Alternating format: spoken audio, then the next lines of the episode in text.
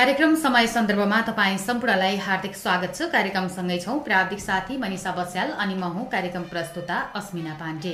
कार्यक्रम समय सन्दर्भ तपाईँले महिला समानताका लागि संचार अभियानद्वारा सञ्चालित महिलाहरूको सामूहिक आवाज सामुदायिक रेडियो मुक्ति पञ्चानब्बे थुप्लो पाँचको ध्वनि तरङ्गबाट हरेक दिन बिहान साढे सात बजेदेखि सुन्दै आइरहनु भएको छ। आजको बसाइमा पनि हामी तपाईँहरूको माझमा उपस्थित भइसकेका छौँ। तपाईँले हामीलाई रेडियो मुक्तिको website W W W dot radio Mukti dot O R G र मोबाइल एप्लिकेसनको हाम्रो पात्रमा रेडियो मुक्ति बुटुबल सर्च गरेर पनि संसारभरिकै साथ सुन्न सक्नुहुन्छ सुन्दै आइरहनु भएको छ। आजको कार्यक्रम समय सन्दर्भ हामीले बुटोल उपमहानगरपालिका वडा नम्बर तिनको सहकार्यमा तयार पारेका छौँ। वडा नम्बर तिनमा भए गरेका गतिविधिहरू अब वडा नम्बर तिनमा के हुनुपर्दछ भन्ने विषयमा रहेर हामीले त्यो क्षेत्रमा रहेका विभिन्न टोल विकास संस्थाका अध्यक्षहरू त्यो क्षेत्रका जानकार र अन्य विभिन्न व्यक्तित्वहरूसँग छलफल र बहस गर्दै आइरहेका छौँ। आजको बसाइमा हामीले वडा नम्बर तिनमा रहेको ज्येष्ठ नागरिक मञ्च त्यस्तै गरी वडा नम्बर तिनमै रहेको आमा समूहका समस्याहरू के के छन् भनेर छलफल गर्न गइरहेका छौँ। आजको कार्यक्रममा हामीले वडा नम्बर तिनमा रहेको ज्येष्ठ नागरिक मञ्चका अध्यक्ष हुनुहुन्छ एम बहादुर टन्डन त्यस्तै गरी बमघाट आमा समूहका अध्यक्ष हुनुहुन्छ पार्वती पन्थी। दुईजनासँग हामीले आजको यो बहसलाई अगाडि बढाउन गइरहेका छौँ। आजको यो कार्यक्रममा सहभागी हुनुभएकोमा यहाँहरू दुवैजनालाई हार्दिक स्वागत छ। धन्यवाद। धन्यवाद नमस्कार। आरामै हुनुहुन्छ दुवैजना? हजुर ठिकै छौँ। हजुर। अब यहाँहरूलाई पनि थाहा नै छ जब देश सङ्घीयतामा गइसके पछाडि तिन तहका सरकारहरू बने। तिन तहका सरकारहरू बनिसके पछाडि स्थानीय तहमा हेर्दाखेरि ओडाबाट नै विकासका कामहरू सुरु गर्नुपर्ने अवधारणा त्यो मोडलका कामहरू अहिले भइरहेका छन्। अब त्यहाँनिर ती कामहरूलाई सफलता तुल्याउनको लागि तपाईँहरू जस्ता व्यक्तित्वहरूको अहम भूमिका हुन्छ। तपाईँहरूले साथ दिनुभयो भने मात्रै तिनी विकासका कामहरू चाहिँ अगाडि बढ्न सक्छन्। अब सुरुमा म ज्येष्ठ नागरिक मञ्चका अध्यक्ष हुनुहुन्छ एम बहादुर टन्डन सरबाट सुरु गर्न चाहन्छु।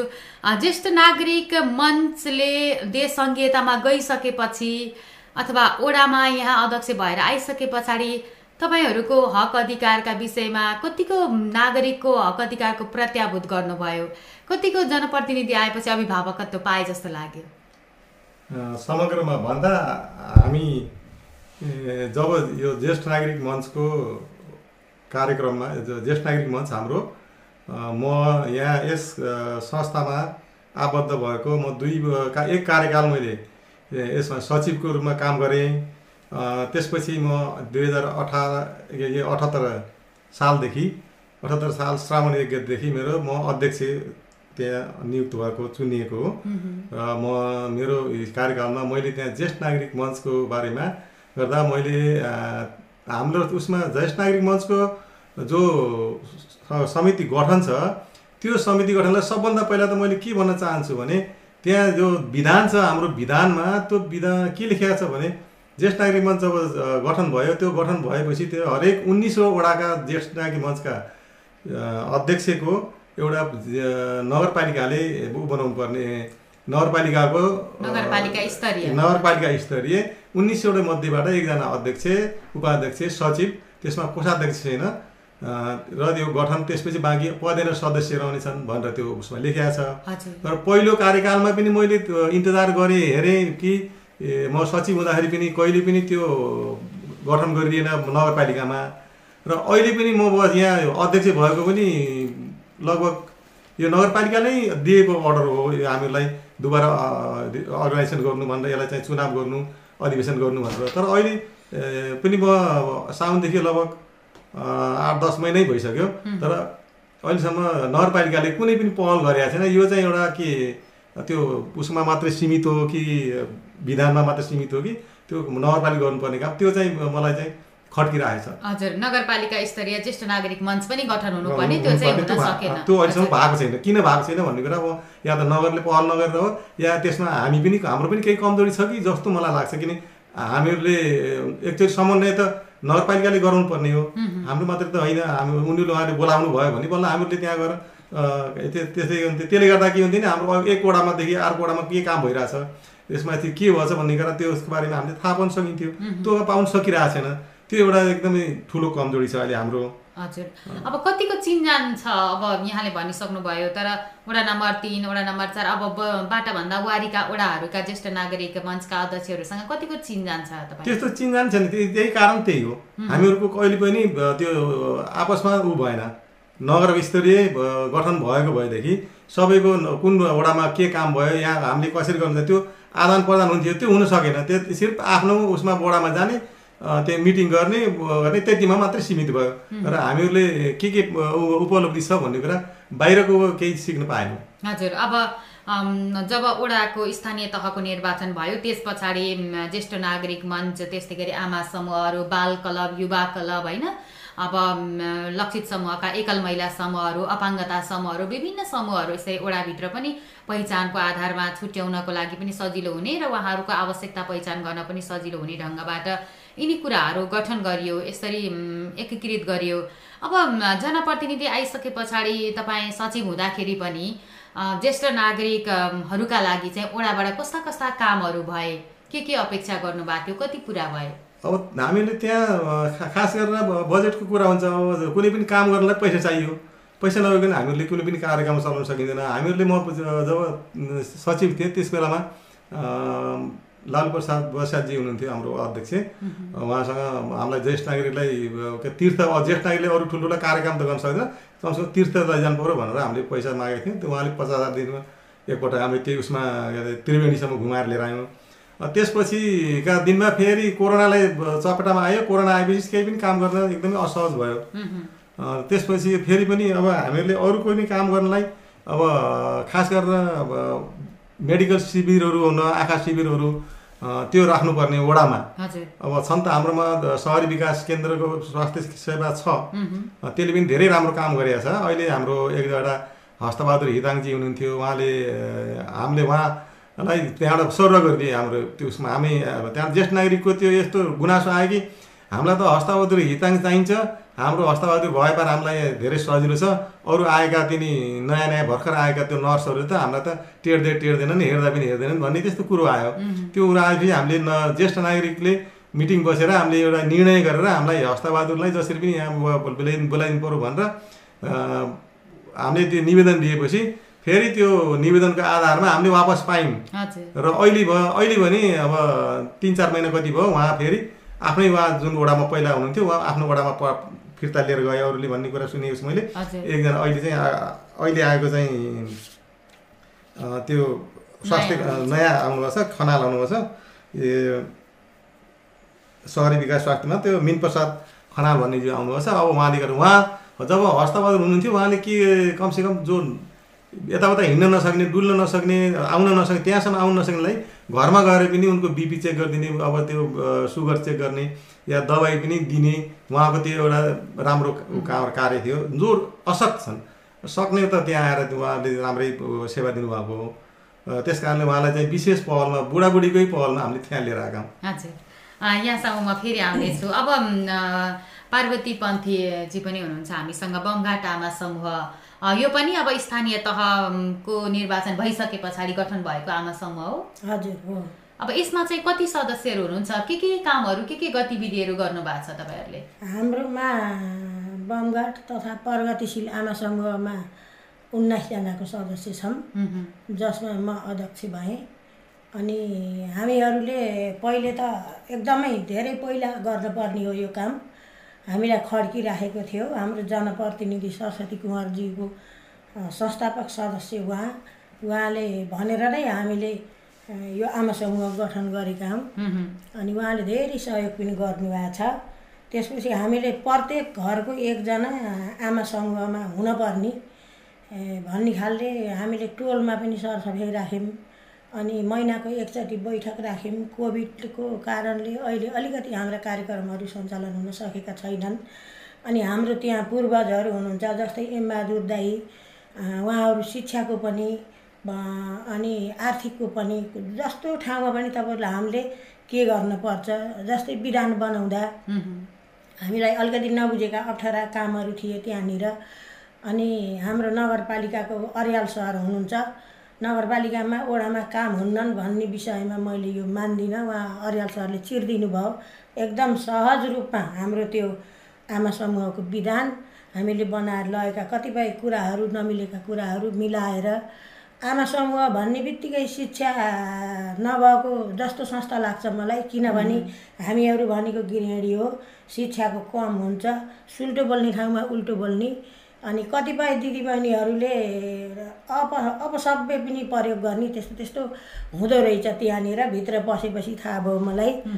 अनि सहजै रूपमा दर्ता गऱ्यौँ हामीले विधान बनाएर हाम्रो दाईहरूले धेरै सहयोग गर्नुभयो त्यसमा।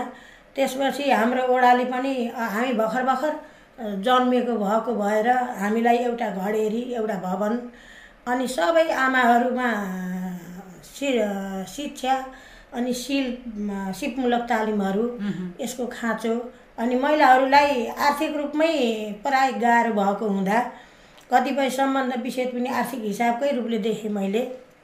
त्यही भएको हुँदा हाम्रो वडा नगरपालिकाले पनि हामीलाई सिपमूलक तालिम दिने अथवा शिक्षा प्रौढ शिक्षा लगायतका यस्ता यस्ती कुराहरू तालिम सिकाउने अनि जनप्रतिनिधि आएर भन्ने बारेमा जनप्रतिनिधि आएर धेरै सहज भयो। लगभग बिस बाइस वर्षको अन्तरालमा हाम्रोमा स्थानीय चुनाव भएको हो। त्यो बिचमा लसालिङ्ग भएको थियो। त्यही पनि हाम्रो वार्डमा हामीलाई काम गर्न हाम्रो वार्डको तिन नम्बर वार्डका जनप्रतिनिधिहरूबाट धेरै सहयोग सबै सङ्घ संस्थालाई भएको महसुस गरेको छु मैले। अब यही भन्दै गर्दा हामीलाई घडेरी चाहिएको छ। अब कतै कतै कुरा पनि राखेका छौँ जहाँसम्म सफल भइएला। अब यो हाम्रोमा अहिले विपद विपद व्यवस्था यो पहिरोको कारणले पनि अलिकति पछाडि परेको क्षेत्र हो यो। धेरै हाम्रा घरवास हाम्रा छिमेकीहरूका घर विहीन भए एकदम दुःखको कुरा हो। राज्यले कति हेर्ने कति नहेर्ने भन्ने कुरा अब यहाँका नेताहरूले जान्ने कुरा हो। चुनावमा मात्रै घर घर आएर भोट माग्ने क्रम नभइकन हाम्रा जनप्रतिनिधिहरू राति दुई बजे एक बजे नभनेर खट्नुभयो त्यो अवस्थामा त्यसको लागि उहाँहरूलाई धन्यवाद छ। अनि अरू कुरा त अब हामी आमा समूह हो। अब निम्न वर्गको आमा समूह बमगाड तथा प्रगतिशील भनेको त पहिरोको क्षेत्रको स्थान नै हो। अब त्यहाँ बस्ने हामीहरू पनि त्यस्तै छौँ। त्यसको लागि अब ठिकै छ राज्यले हामीलाई सहयोग गर्छ भन्ने आशामा छौँ हजुर। अब कस्ता कस्ता कार्यक्रमहरूको आवश्यकता छ? सचेतनामूलक अब यहाँले सम्बन्ध विच्छेद पनि आर्थिक अभावका कारणले हुँदो रहेछ एकदम एकदम अब महिलाहरूको अधिकारको विषयमा चाहिँ कतिको जानकार हुनुहुन्छ? र आमा समूह गठन भइसकेपछि त्यस्तो खालको कार्यक्रमहरूमा भाग लिन पाउनु भयो कि भएन? हजुर एकचोटि अर्याल सरले फोन गरेर नगरपालिकामा बोलाउनु भएको थियो। म तपाईँ आफै आउनुहोस् भन्नुभयो म गएँ। राम्रो कार्यक्रम भएको थियो त्यहाँ। संयोजक हाम्रो उपमेयर गोमादेवी आचार्य हुनुहुने रहेछ।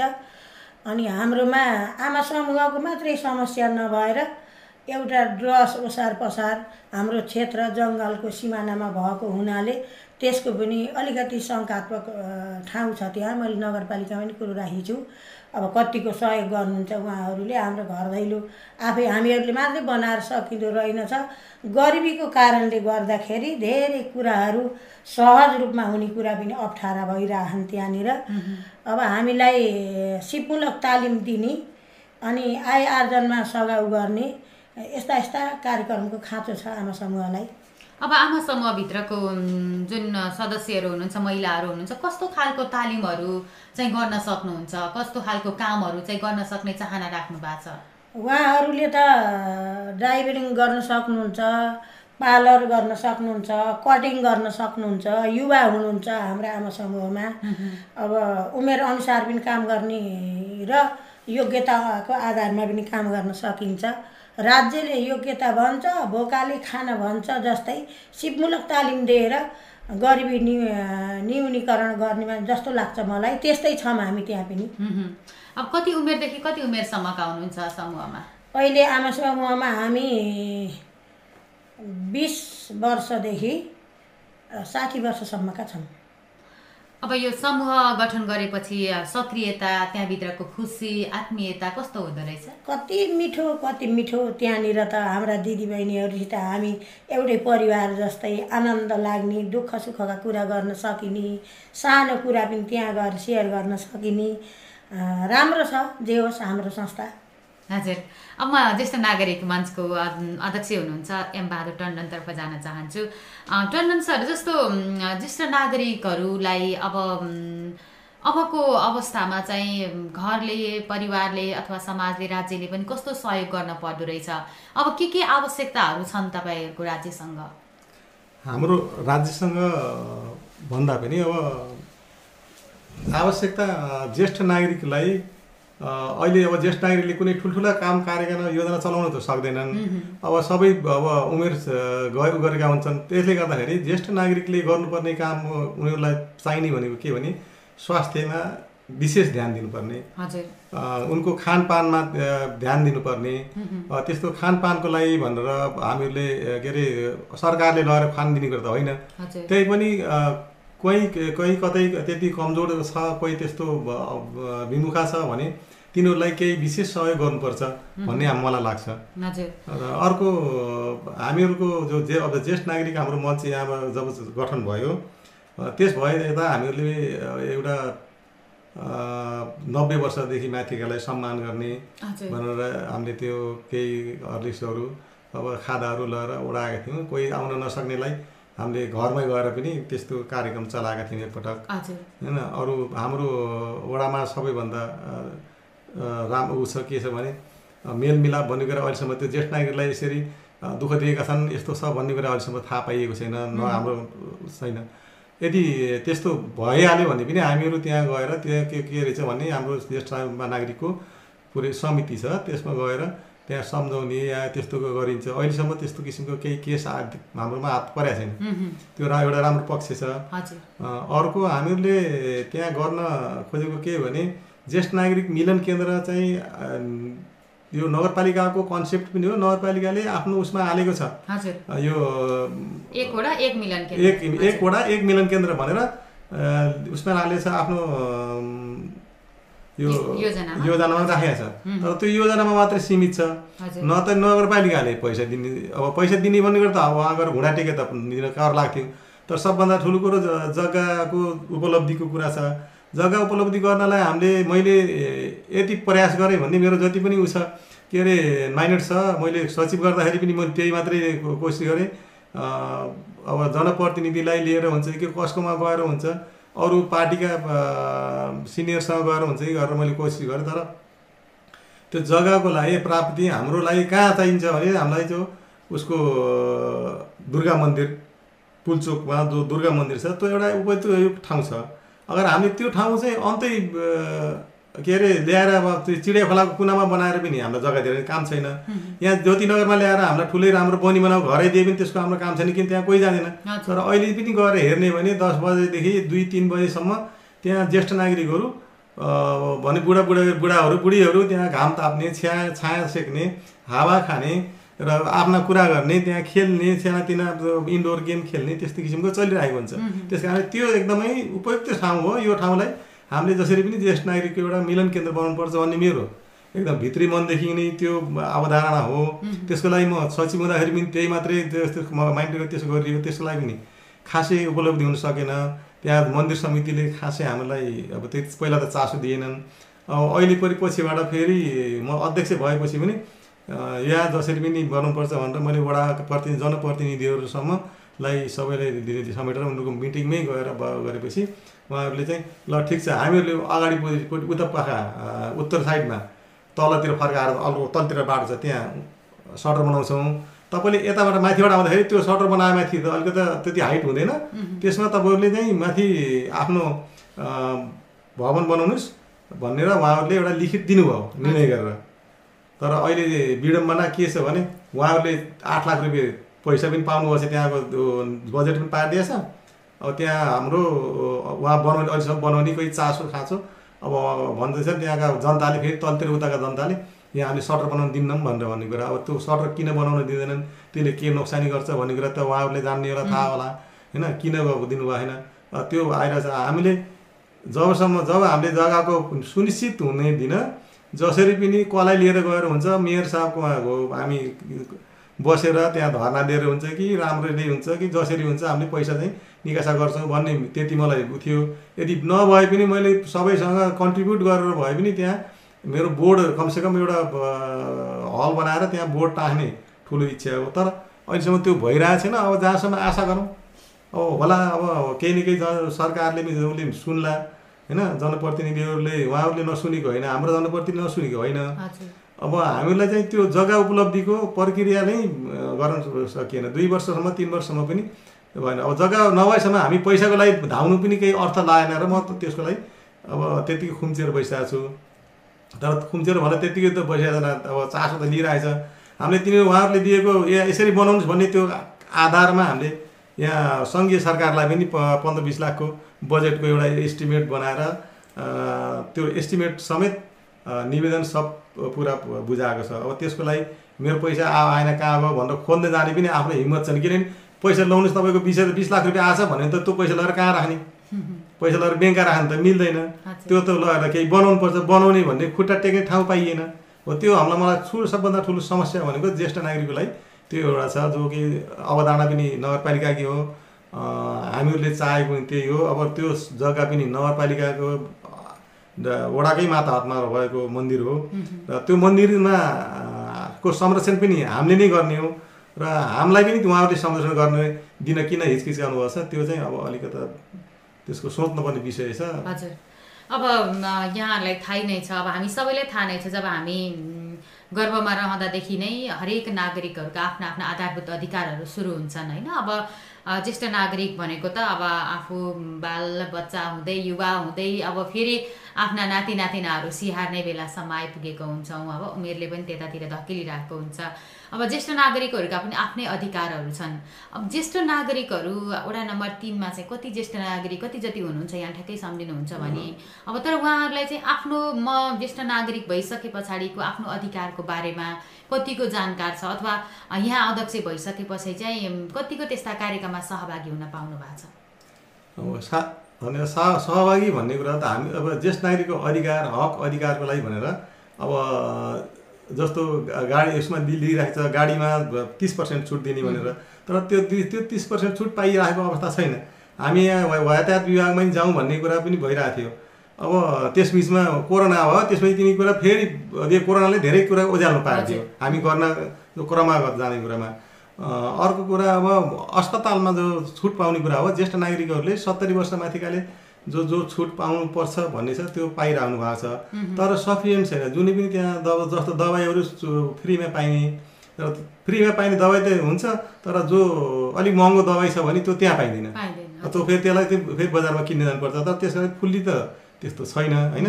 तर जे होस् अब पहिलाभन्दा धेरै सुविधा छ। धेरै राम्रो छ। अब यातायात क्षेत्रलाई पनि कमसेकम त्यो छुट पाउने व्यवस्था भइदियो भने धेरै राम्रो कुरा हो। अब यातायातमा पनि गाडीमा के अरे ज्येष्ठ नागरिक भनेर सिट छुट्याउने भनेर राखी लेखिराखेको हुन्छ। तर त्यो लेखिराखेर मात्रै बस्ने अर्कै हुन्छ। त्यो कार्यान्वयन चाहिँ अलिक फितलो छ। त्यसलाई चाहिँ अलिक कडाइको साथ लिनुपर्ने हुन्छ। त्यो त्यसलाई अलिकति हेर्नुपर्ने जस्तो मलाई लाग्छ। हजुर अहिले कति हुनुहुन्छ वडा नम्बर तिनमा ज्येष्ठ नागरिक अब भत्ता लिने एकल महिला र ज्येष्ठ नागरिकहरू लगभग पा पाँच सय प्लस हुनुहुन्छ अरू जो साठी वर्ष नागेकालाई सबै सरकारले चाहिँ परिभाषा के गरेको छ भने साठी वर्ष पुगेकालाई ज्येष्ठ नागरिक मानिन्छ भनेर ज्येष्ठ नागरिकको कार्ड बाँडिरहेछ। होइन? त्यसमा त्यो त अब ठ्याक्कै भन्न छैन लगभग सातभन्दा माथि प्लस छ। सात सौभन्दा प्लस हाम्रो वडामा छ त्यति। अब कार्ड मात्रै बनाएको तिन सय जति छ। कार्ड मात्रै बनाउनु भएको अरू सबैले कार्ड बनाएको छैन कतिवटा कतिवटा थाहा छैन कतिवटा आवश्यक छैन भन्दैन। त्यहाँ कार्ड बनाउनलाई कुनै आवश्यक कुनै दुःख पनि छैन। दुइटा फोटो लिएर एउटा नागरिकता लिएर गयो भने कार्ड कुनै पैसा लाग्दैन नि शुल्क वडामा बनाइन्छ। पहिला यही कार्ड बनाउनलाई हामी भैरवा गएर बनाउनु पर्थ्यो। अहिले चाहिँ वडामा यस्तो सुविधा छ। जनप्रतिनिधि आएदेखि हामीलाई धेरै कुराको सुविधा त भएकै छ। हजुर। अब कार्डले पनि धेरै कुराहरूलाई सम्बोधन गर्छ। कार्ड देखाउने बित्तिकै भने धेरै ठाउँहरूमा सुविधा सेवा सुविधा लिन सजिलो हुन्छ। अब यसलाई चाहिँ किन चासो नदिनु भएको होला त? तपाईँ पनि एउटा अध्यक्ष हुनुभयो र स्वयं नागरिकहरू पनि किन सचेत नहुनु भएको? हामीले बेला बेलामा यो कार्ड बनाउनुहोस्। हजुरहरूले कार्ड बनाउनुपर्छ भन्ने त्यो बनाइराखेका छौँ। त्यस्तै अब मान्छे अब कोही त आवश्यक छैन भन्छ अब कसैलाई अनि फोटो छैन भने चाहिँ अब सबै के के घर घरै गएर घरै बनाइदिए पारो। घर घर गएर बनाइदिने अभियान चलाइएको छैन। होइन अब आवश्यक पऱ्यो भने त्यो पनि गर्नु पर्ला तर अब हामीहरूले त्यो सञ्चार माध्यम उसबाट के अरे समाचार या त हजुरलाई कहिलेकाहीँ अझ मिटिङ हुन्छ त्यसमा सबैलाई आफ्नो टोल छिमेकीलाई कार्ड बनाउनु भन्नुहोस् है। अब त्यसले केही काम हुन्छ। अब कार्ड नागरिकता चाहिँ किन चाहियो कार्ड भन्ने त्यस्ता पनि छन् मान्छे। हुन त नागरिकताको कार्ड र त्यो त्योमा अब खासै फरक छ। किनभने ना ज्येष्ठ नागरिकको कार्ड देखाउने ज्येष्ठ नागरिक लेख्ने बित्तिकै त्यसले अलग ठाउँ पाउँछ। नागरिकता देखाएर त उसलाई त फेरि डेट हेर्नु पऱ्यो सबै गर्नु पऱ्यो त्यो त्यहाँ नागरिकता देखाएर म ज्येष्ठ नागरिक हुँ भनेर त्यसलाई चाहिँ न्युनलाई कोही टाइम लाग्छ। तर यसमा टाइम लाग अब कार्ड छ भने कार्ड ज्येष्ठ नागरिक देख्ने बित्तिकै। हरेकले चिन्छ त्यसले अलग आफ्नो सुविधा लिन पाइन्छ भन्ने कुरा। अब नगरपालिकासम्म चाहिँ तपाईँ आफू अध्यक्ष भइसकेपछि कस्ता कस्ता कार्यक्रममा सहभागी हुन पाउनुभयो? ज्येष्ठ नागरिकको विषयमा चाहिँ। ज्येष्ठ नागरिक विषयमा नगरपालिकाले कुनै कार्यक्रम चलाएको मलाई थाहा पाएको छैन। ओडाबाट? वडाबाट वडाबाट त वडामा त हामीले कार्यक्रमहरू त त्यही अब खास का खास खास कार्यक्रमै त्यही उसमा चलाइयो एउटा यही सचेतना। र यो ज्येष्ठ नागरिकलाई सम्मान गर्ने भनेर एकपल्ट एउटा कार्यक्रम चलाएको थियौँ। त्यसपछि अरू कुनै कार्यक्रम हामी त त्यही उसको ज्येष्ठ नागरिक मिलन केन्द्र बनाउने भनेर जतिखेर पनि त्यसैको पछि माथि दिमाग त्यति माथि पछि लगाइरहेछ त्यो भयो भने यदि यदि हामीहरूले त्यो ज्येष्ठ नागरिक मिलन केन्द्र बनाउने र त्यसको कन्सेप्ट कस्तो भनेपछि अहिले तलको एउटा पायो भने हामीले एउटा एक हल एउटा हल बनाउने सिर्फ इन्डोर गेम खेल्ने चेसेस हुन्छन् सानसाना पत्र पत्रिका राख्ने त्यस किसिमका सबै कुरा गर्ने र यदि त्यो त्यसको चाहिँ कालान्तरमा सधैँभरि हामी त रहनु नेक्स्ट आउने पिँढीलाई पनि नेक्स्ट चाहिँ अर्को तलो थप्न पाउने त्यस्तो स्थिति भयो भने हामीले त्यस किसिमको पर्पोजल बनाएको दिएको।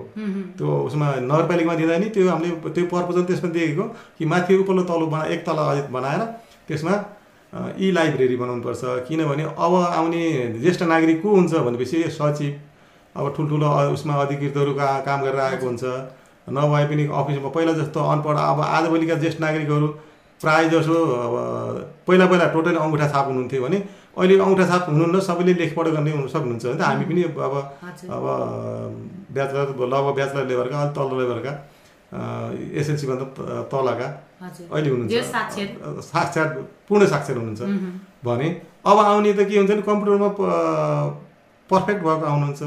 अब जब जब अहिले साठी वर्ष पुग्नेले त अफिसमा काम गरेर रिटायर भएका मान्छे त। तिनीहरू त एकदम अ, सबै त हुन्छ। तिनी उहाँहरूको मानसिक अब किन पेन्सन निक निक्लने बित्तिकै बाहिर निक्लने बित्तिकै कहाँ जाउँ के गरौँ कसो गरौँ मलाई एकदमै मन मनमा एकदम खुल्दुली हुन्छ। उनीहरू टाइम पास गर्ने ठाउँ हुँदैन। किनभने रुटिन काममा हिँडेको मान्छे तुरुन्तै रुटिन बन्द हुँदाखेरि अक्कबक्क हुन्छ। त्यसले गर्दाखेरि उहाँहरूलाई पनि एउटा लाइब्रेरीको इ लाइब्रेरी भयो भने त्यहाँ आएर कम्प्युटरमा बसेर सिक्ने सिक्नुभन्दा त्यहाँको टाइम पास गर्नलाई न्युजहरू पढ्ने बाहिरको सेवामूलक अब आफूले जान्ने केही कुरा जानकारी हासिल गर्ने कुरा टाइम निकाल्नलाई त्यहाँ धेरै कुराको सुविधा हुन्छ। र त्यस त्यस्तो किसिमको कन्सेप्ट आजको नेक्स्ट पाँच दस वर्षमा होस् भन्ने हिसाबले मैले हाम्रो त्यो राखेको कन्सेप्ट छ। तर अब हामीले सबभन्दा ठुलो कुरो त हामीले विडम्बना यहाँ त्यो एउटा जग राखेर खुट्टै टेक्ने ठाउँ नपाएको हुन त्यो हाम्रो सबै दुःखको कुरा छ। दुःख भएको कुरा। पार्वतीजी जस्तो अब आमा समूहहरूको कुरा गर्दाखेरि चाहिँ अब आमा समूहहरूका आवश्यकताहरू के के छन्? अब के के भयो भने चाहिँ तपाईँहरूलाई सजिलो हुन्थ्यो होला काम गर्नको लागि समूहमा? समूहमा काम गर्दाखेरि हुने कुराहरूको बारेमा चाहिँ ओडामा नगरमा छलफल गर्नुभएको छ? हजुर यहाँलाई धेरै धेरै धन्यवाद। हाम्रो नगरमा पनि छलफल भइरहेको छ भर्खर भर्खर। तपाईँहरूको जन्मेको संस्था हो एकैचोटि सबै खोजेर मिल्दैन। ओडामा त हुने नै भयो हामी ओडामा छौँ। अनि अब हामीलाई प्रथम त एउटा त्यो साक्षात्कार दोस्रो सिपमूलक तालिम। अनि हामीलाई राज्यले पनि थोरै हेरोस्। आमा समूह भन्ने बित्तिकै महिलाहरू भएको ठाउँमा प्राय अनुशासनै हुन्छ। अनि महिलाहरूले घरदेखि लिएर बाहिरसम्म नगरसम्म होइन क्षेत्रसम्म केन्द्रसम्म हाम्रै महिलाहरू हुनुहुन्छ। साक्षात भएर लड्दै लड्दै दुःख पाइ पाइ उहाँहरू पुग्नु भएको हो। अहिले त्यस त्यति धेरै दुःख पाउनु पर्दैन। अहिले धेरै सहज छ। किनभने हाम्रा हामीलाई पुरुषहरूले पनि साथ दिनुहुन्छ। हिजोको जस्तो अहिले छैन। अब हामीलाई सिपमूलक तालिम दिने थोरै थोरै भए पनि आय आर्जन महिलाहरूले गर्न सक्ने आफ्नो निर्णय आफै गर्न सक्ने त्यस्तो खालको हुने हो भने जे होस् आमा समूहहरूलाई काम गर्न सजिलो हुन्थ्यो। अब भवन घडेरीको कुरो गरिराखेका छौँ जहाँसम्म सफल भइएला भन्ने खालको कुरो छ। हामीलाई यो चुरे पहाड अनि यो पहिरो ले गर्दा अलिकति दुःख भइसकेको हो। नभएदेखि हामीले सायद जगपुर थियौँ होला जस्तो लाग्छ मलाई। नगरपालिकाले पनि राम्रै आश्वासन दिइरहनु भएको थियो। ओडाबाट पनि हुन्थ्यो। अब खु जस्तै टन्डन दाईले भने जस्तै खुट्टै टेक्ने ठाउँ छैन। कसै कहाँ पैसा माग्न गएर ल्याएर ब्याङ्कमा राख्ने कुरो भएन। हामीलाई पनि समस्या त त्यही नै हो। आफ्नो आमा समूहको भवन हुने हो भने सहज रूपमा हाम्रो मिटिङ त्यहाँ हुने थियो। हामीले आफूलाई परेका अप्ठ्याराहरू त्यहाँ भन्न सक्ने थियौँ। कसैको घरमा अप्ठ्यारो परेको कसरी कसलाई लगेर भनेर त्यो घरको समस्या हल गर्न सकिन्छ। आमा समूह भन्ने बित्तिकै त धेरै कुरा त्यहाँ आउँछन्। आमा शिक्षित भएपछि छोरी शिक्षित हुन्छन् बुहारी पनि शिक्षितै आउँछन् त्यो घरमा। त्यो टोल समाज सबै राम्रो हुन्छ। त्यस्तो लाग्छ। मलाई अब राज्यले पनि गर्ला। हाम्रो माग अनुसार अहिलेसम्म भएकै छ। अब जनप्रतिनिधिहरू आउनुभयो। जनप्रतिनिधि आएपछि यहाँहरू धेरै कार्यक्रमहरूमा पनि सहभागी हुनुभयो। एक किसिमले आफू पनि सचेत हुने अवसर पनि पाउनु भयो अब जनप्रतिनिधि कस्तो हुन पर्दो रहेछ? अब निर्वाचन पनि आउँदैछ धेरै समय पनि छैन होइन? जनप्रतिनिधि एउटा नागरिकले अथवा जस्तो मानव मैले चाहिँ आफ्नो जनप्रतिनिधि कस्तो आउन पर्दो रहेछ भनेर अनुभूति गर्ने। तपाईँहरूले चाहिँ के अनुभूति गर्नुभएको छ? हामीले अहिले हाम्रो वडामा भएको जनप्रतिनिधिमध्ये संयोगवश हाम्रो वार्ड अध्यक्ष लालप्रसाद बस्यालज्यूको निधन भयो। यो एकदम दुःखको कुरा हो वार्ड नम्बर तिनवासीहरूलाई। अनि अरू जनप्रतिनिधिहरू जाने बुझेर काम गर्न सक्ने जनताको दुःख बुझ्न सकेको सबै जनताको घर घरमा गएर बुझेको खालको जनप्रतिनिधि आउनुपर्छ। हाम्रो वडामा पनि एकाध हुनुहुन्छ सबै नभए पनि। उहाँहरूले आफ्नो शक्तिले भेटेसम्म गर्नुभएको छ। राति एक बजे दुई बजे भन्नुहुन्न उहाँले। हाम्रो सरस्वती कुँवरलाई नै भन्नुपर्छ। किनभने यो श्रेय उहाँले जति गर्नुभएको नि त्यति अरू चारजनाले गर्नुभएको हामीले देखिएन। त्यस्तो खालको मान्छे आउनुपर्छ। अब आउँदाखेरि स्थानीय चुनावमा हामीले पनि भोट दिँदा पार्टी फरक नबनेर व्यक्ति हेरेर त्यसको मूल्याङ्कन गरेर ल्या आउनुपर्छ जस्तो लाग्छ मलाई। अब तपाईँको टोलहरूमा चाहिँ सरसफाइको कुरा खानेपानीको कुराहरू छ अब सडकका कुराहरू पनि छन्। कतिको विकास भयो? हाम्रो टोलमा विकास जे होस् हामीले सोचेको भन्दा धेरै राम्रो भयो। हामी माग्ने मान्छे जति त्यही पनि पुरा नहुने भएर हो। हुन त पानीको पनि व्यवस्था छ त्यहाँ बोरिङको पानीको व्यवस्था गएको छ। अनि माथि जङ्गलको पानी पनि बङ्गातमा आउँछ। अर्को खानेपानी संस्थानको छ। तिनवटा धारा छन् त्यहाँ बाटोघाटो बनेकै छन्। अनि यो कोभिडको कारणले गर्दा विकासमूलक कार्यक्रममा नगरपालिकाबाट आउने वडा सिलिङ बजेटमा थोरै आएको भएर काम थोरै भएको हो। होइन भने हाम्रोमा त केन्द्रसम्मको बजेट आएर हाम्रो बङ्गा टोलमा विकास धेरै भएको छ। होइन दाइ? धेरै राम्रो भएको छ हाम्रो त्यहाँ। त्यही भएर अब कर्मैसित जस्तो हाम्रो त्यहाँको टोल विकास संस्थाले कुन टोलमा पैसा लगानी गर्ने टोल विकास संस्थाका पदाधिकारीहरू बसेर छलफल गरेर त्यो पैसा कुन टोलमा कहाँ लगाउँदा राम्रो हुन्छ त्यसरी लगाउनुहुन्छ हाम्रो पनि भनसुन हुन्छ त्यहाँ। हामीलाई पनि थोरै यो दराज आमा समूहको दराज राखौँ न भन्दा अध्यक्षले राख्नु न भन्नुभएको छ। एकदम सराहनीय कुरो छ त्यहाँनिर। अब जनप्रतिनिधि आउँदा त हाम्रो सरस्वती कुँवर जस्तो आउनुपर्छ। भन्ने चाहिँ तपाईँको कुरा छ। मेरो हजुर। हजुर। अब हाम्रो टन्डन सर टन्डन सर अब जनप्रतिनिधिहरूको कुरै गरिरहेको छौँ हामी। जनप्रतिनिधिहरू कस्ता आउनुपर्छ? अब एक किसिमले पार्टीमा आफ्नो आस्था गर्दै विचारहरू राख्ने खालको त अब त्यो त्यही सिस्टमै छ त्यसैलाई जानु पऱ्यो फलो गरेर होइन? चुनावमा जित हार भइसकेपछि पनि जनप्रतिनिधिले चाहिँ नागरिकहरूलाई कस्तो व्यवहार गर्नुपर्छ? कस्ता जनप्रतिनिधि आवश्यक छ? जनप्रतिनिधिको हकमा मैले भन्दा जनप्रतिनिधिहरू सबभन्दा पहिला अहिलेको जो पहिला जस्तो जमाना छैन अहिले जनप्रतिनिधिलाई धेरै अधिकार दिएको छ धेरै धेरै काम दिएको छ यसको लागि अधिकार मात्रै प्रयोग गरेर भएन उहाँहरूलाई धेरै जानकारी हुनुपर्ने हुन्छ। त्यस कारण अलिकता पढाइ लेखेको चाहिने रहेछ एउटा कुरा होइन हुन त नेताहरूलाई पढाइ लेखेको चाहिँदैन भन्ने कुरा पनि छ होइन कुनै योग्यताको छैन तर अलिक पढाइ लेखेको हुनुपर्छ र चौबिस घन्टा खटेर काम गर्न सक्ने हुनुपर्छ। खटेर खटेर काम गर्नेको हकमा त हाम्रो के अरे सरस्वती कुँवरज्यूको लाई पनि उहाँले पनि मैले देखेको अब कहीँ हाम्रो उसमा लालु प्रसाद बस्याल सर हुनुहुन्थ्यो उहाँ के अरे स्वास्थ्य हिसाबले अलिकति अलि कमजोर उमेर हुनुभयो। उमेर भए पाएको हुनुहुन्थ्यो उहाँको उहाँको दबदबा नगरपालिकामा चल्थ्यो किनभने उहाँ गएर बोलेपछि केही उ थिएन अब हाम्रो न अब हाम्रो सरस्वती कवरजीले उहाँ के उहाँ पनि एकदमै राम्रो काम गर्नुहुन्छ तर उहाँलाई सहयोग गर्ने मान्छेले त्यति सहयोग गरिरहेको मैले देख्दिनँ। र पनि अब त्यसरी न अब कसैलाई केही नभनौँ अब जनप्रतिनिधि अलिक खटेर काम गर्न सक्ने। पहिला जस्तो अब यहाँ काम छोडेर बाहिर बाहिर डुल्यो भने के हुन्छ नि चौबिस घन्टा जनताको सेवा गर्नुपर्ने रहेछ। कमसेकम अध्यक्ष त एकदम duty ten to five office कुर्नै पर्ने। अरू बेला पनि हाजिर हुनु पर्यो। अरू बेला पनि हाजिर हुनु पर्यो। अरू बेला त छै। छ तर उसमा त छोड्नै भएन त्यस्तो।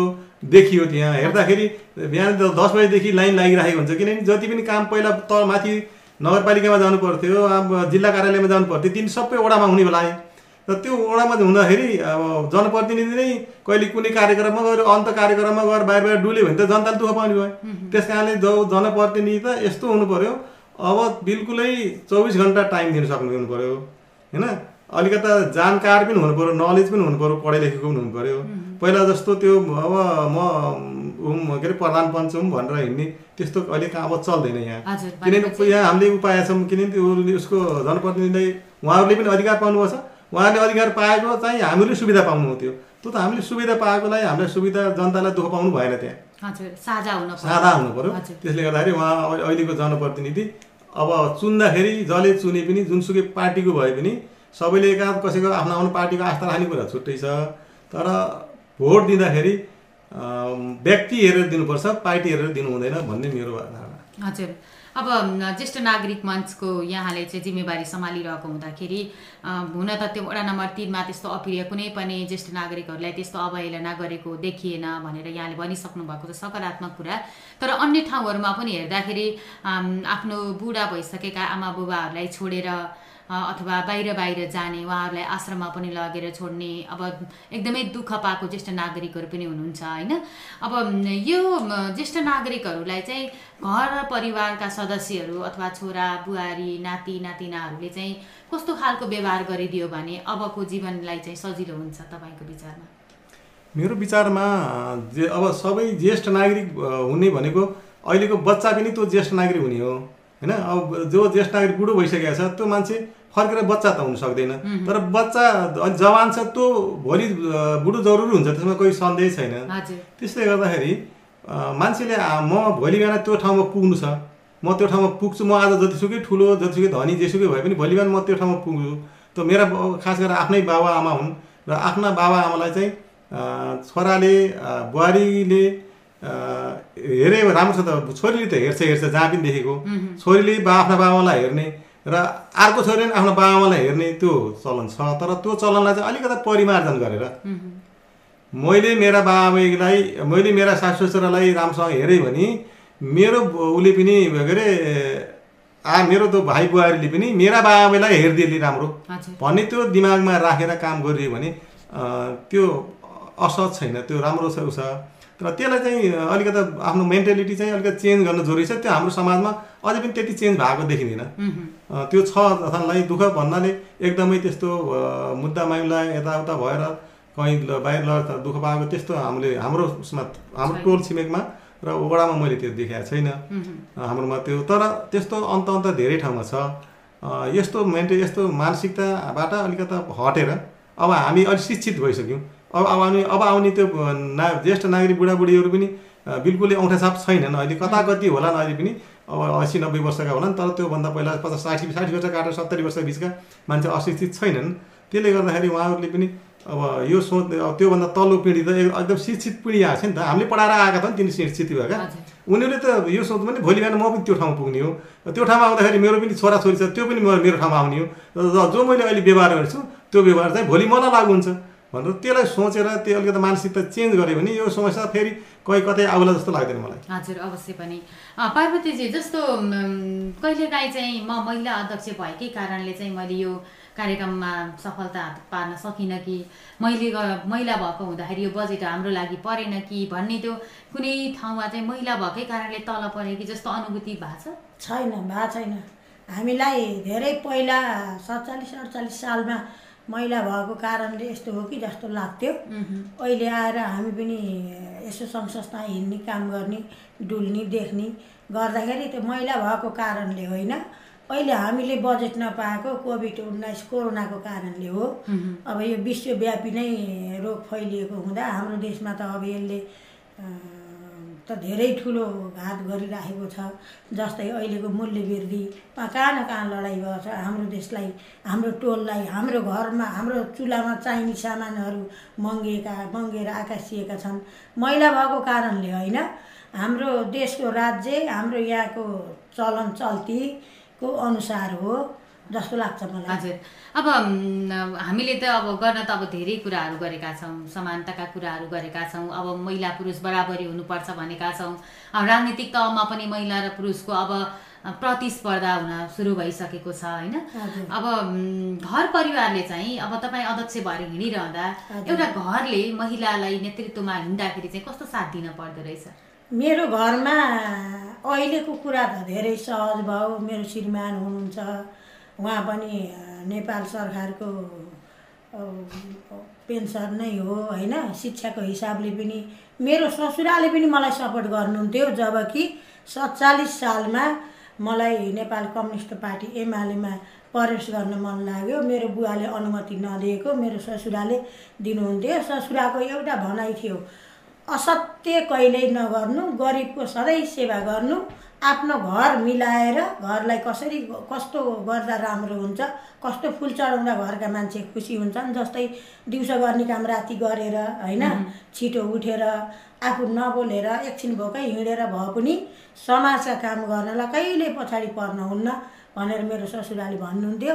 त्यतिखेरदेखि नै अहिले त मेरो छोराले अलिकति मन पराउँदैन श्रीमानले त एकदम सपोर्ट गर्नुहुन्छ फुल्ली सपोर्ट गर्नुहुन्छ उहाँले त। खुसी हुनुहुन्छ। एकदम एकदम। अन्त्यमा छ अन्त्यमा रेडियो सुनेर बसिरहनुभएका श्रोताहरूलाई के भन्न चाहनुहुन्छ? एकदमै म हामीलाई हाम्रो आमा समूह बङ्गाल तथा प्रगतिशील आमा समूहको अध्यक्षलाई बोलाएर आफ्नो मनको कुरा राख्न दिनुभयो अनि रेडियो सुन्नेका सम्पूर्ण श्रोताहरूलाई पनि सबैले आफ्नो घर परिवारको मन बुझेर आफ्नो घर परिवार मिलाएर एकछिन छिटो उठेर एकछिन आफूले नखाएर घरको मान्छेले मिठो खान्छन् कि मिठो चिज पकाएर आफ्नो घरलाई मिलाएर अनि टोल छिमेकमा पनि त्यस्तै गरेर हिँड्नु होला भन्दै यहाँहरूलाई पनि यो रेडियो मुक्तिलाई पनि धेरै धेरै धन्यवाद दिन चाहन्छु। हजुर। सर अब यहाँको अन्त्यमा के छ? रेडियो सुनेर बसिरहनु भएका श्रोताहरूलाई के भन्न चाहनुहुन्छ? रेडियो सुन्ने श्रोताहरूलाई र सबै यो मुक्ति एफएमलाई धेरै धेरै धन्यवाद। उहाँहरूले हाम्रो केही कुरा राख्ने मौका दिनुभयो होइन? त्यसमा अब मैले चाहिँ ज्येष्ठ नागरिकहरूको विषयमा भन्दा उहाँहरूले जो पनि अब ज्येष्ठ नागरिक हुनुहुन्छ उहाँहरूलाई जो खास गरेर सत्तरीभन्दा माथि गएकालाई धेरै समस्या हुन्छ। ज्येष्ठ नागरिक भन्ने बित्तिकै साठी वर्ष पुगेका ज्येष्ठ नागरिक भए पनि सत्तरी व सत्तरीदेखि पचहत्तर पचहत्तरदेखि अस्सी त्यसपछि अझै नब्बे वर्ष सय वर्षमा बाँच्नु हुने उहाँहरूलाई त धेरै ठुलो कष्टको जिन्दगी हुन्छ। त्यसमा हाम्रा छोरा बुहारी भाइ भतिजा जो छ छोरीहरूले पनि हाम्रा छोरीहरूले पनि अर्का घरमा गएर उहाँहरूले पनि आफ्ना ससुरा सासूलाई चाहिँ आफ्ना बुवा आमालाई जस्तो हिसाबले हेर्ने र हाम्रा बुहारीहरूले पनि हाम्रा छ घरमा हाम्रा आफ्ना सासु ससुराहरूलाई आफ्ना बाबाआमा सरह हेर्ने दृष्टिकोण राखियो भने यो समस्या कहिले पनि आउँदैन। त्यो दृष्टिकोण राख्नु जरुरी पनि छ। सबै अहिलेको उसमा पढे लेखेको समाज छ। पढे लेखेको समाजले भोलि म त्यो ठाउँमा पुग्छु अवश्य पुग्नुपर्छ भन्ने कुरा हेक्का राखेर म आज बलियो छु। मलाई केही पनि पर्दैन भोलि भन्ने त्यो हेक्का छोडेर भोलि त मेरो त ठाउँ जाने त्यही हो। त्यो ठाउँ पुग्ने हो भनेर त्यो सम्झेर राम्रोसँग बुढा भएका बाबा आमालाई या बिमार भएकालाई स्याहार सुसार राम्रो गरिदिनु भयो भने त्यो सबभन्दा ठुलो उपलब्धि हुनेछ भन्ने म यही धेरै धेरै धन्यवाद। आजको बहसमा हामीले ज्येष्ठ नागरिक मञ्च वडा नम्बर तिनका अध्यक्ष एम बहादुर टन्डन त्यस्तै गरी बमगाट तथा प्रगतिशील आमा समूहका वडा नम्बर तिनका अध्यक्ष पार्वती पन्थीज्यूसँग हामीले कुराकानी गरेका छौँ बहस गरेका छौँ। आमा समूहले गरेका काम त्यस्तै गरी ज्येष्ठ नागरिकहरूका समस्या र ज्येष्ठ नागरिकहरू अहिलेसम्म जनप्रतिनिधि आइसकेपछि कतिको सन्तुष्ट हुनुहुन्छ भन्ने विषयमा पनि हामीले छलफल गरेका छौँ। जाँदा जाँदै अब स्थानीय तहको निर्वाचन आइरहेको हुँदाखेरि जनप्रतिनिधिहरू समाजका लागि देशका लागि नगरका लागि वडाका लागि कस्तो हुनुपर्दो रहेछ त भनेर पनि हामीले यस्ता बहसहरूमा हरेक नागरिकहरूको धारणा लिने गरेका छौँ। दिनरात खट्ने नागरिकहरूको भावना बुझ्ने खालको जनप्रतिनिधि चाहिँ अबको देशको आवश्यकता छ भनेर आजका अतिथिहरूले पनि भनिसक्नु भएको छ। आजका अतिथिहरूसँगको संवादसँगै आजका लागि हामी कार्यक्रमको अन्त्यमा छौँ। आजको कार्यक्रम उत्पादनमा वडा नम्बर तिन बुटोल उपमहानगरपालिकाले रेडियो मुक्तिसँग समन्वय गरेको छ। वडा नम्बर तिनप्रति पनि हार्दिक आभार व्यक्त गर्दै प्राविधिक साथी मनिषा बसालाई धेरै धेरै धन्यवाद र आजका अतिथिहरूलाई पनि आफ्नो व्यस्त समयका बावजुद हामीसम्म आएर आफ्ना कुराहरू राखिदिनु भएकोमा धेरै धेरै आभार व्यक्त गर्दै म कार्यक्रम प्रस्तुता अस्मिना पाण्डे पनि बिदा हुन्छु। तपाईँ रेडियो मुक्ति सुन्दै रहनुहोला। नमस्ते शुभ दिन।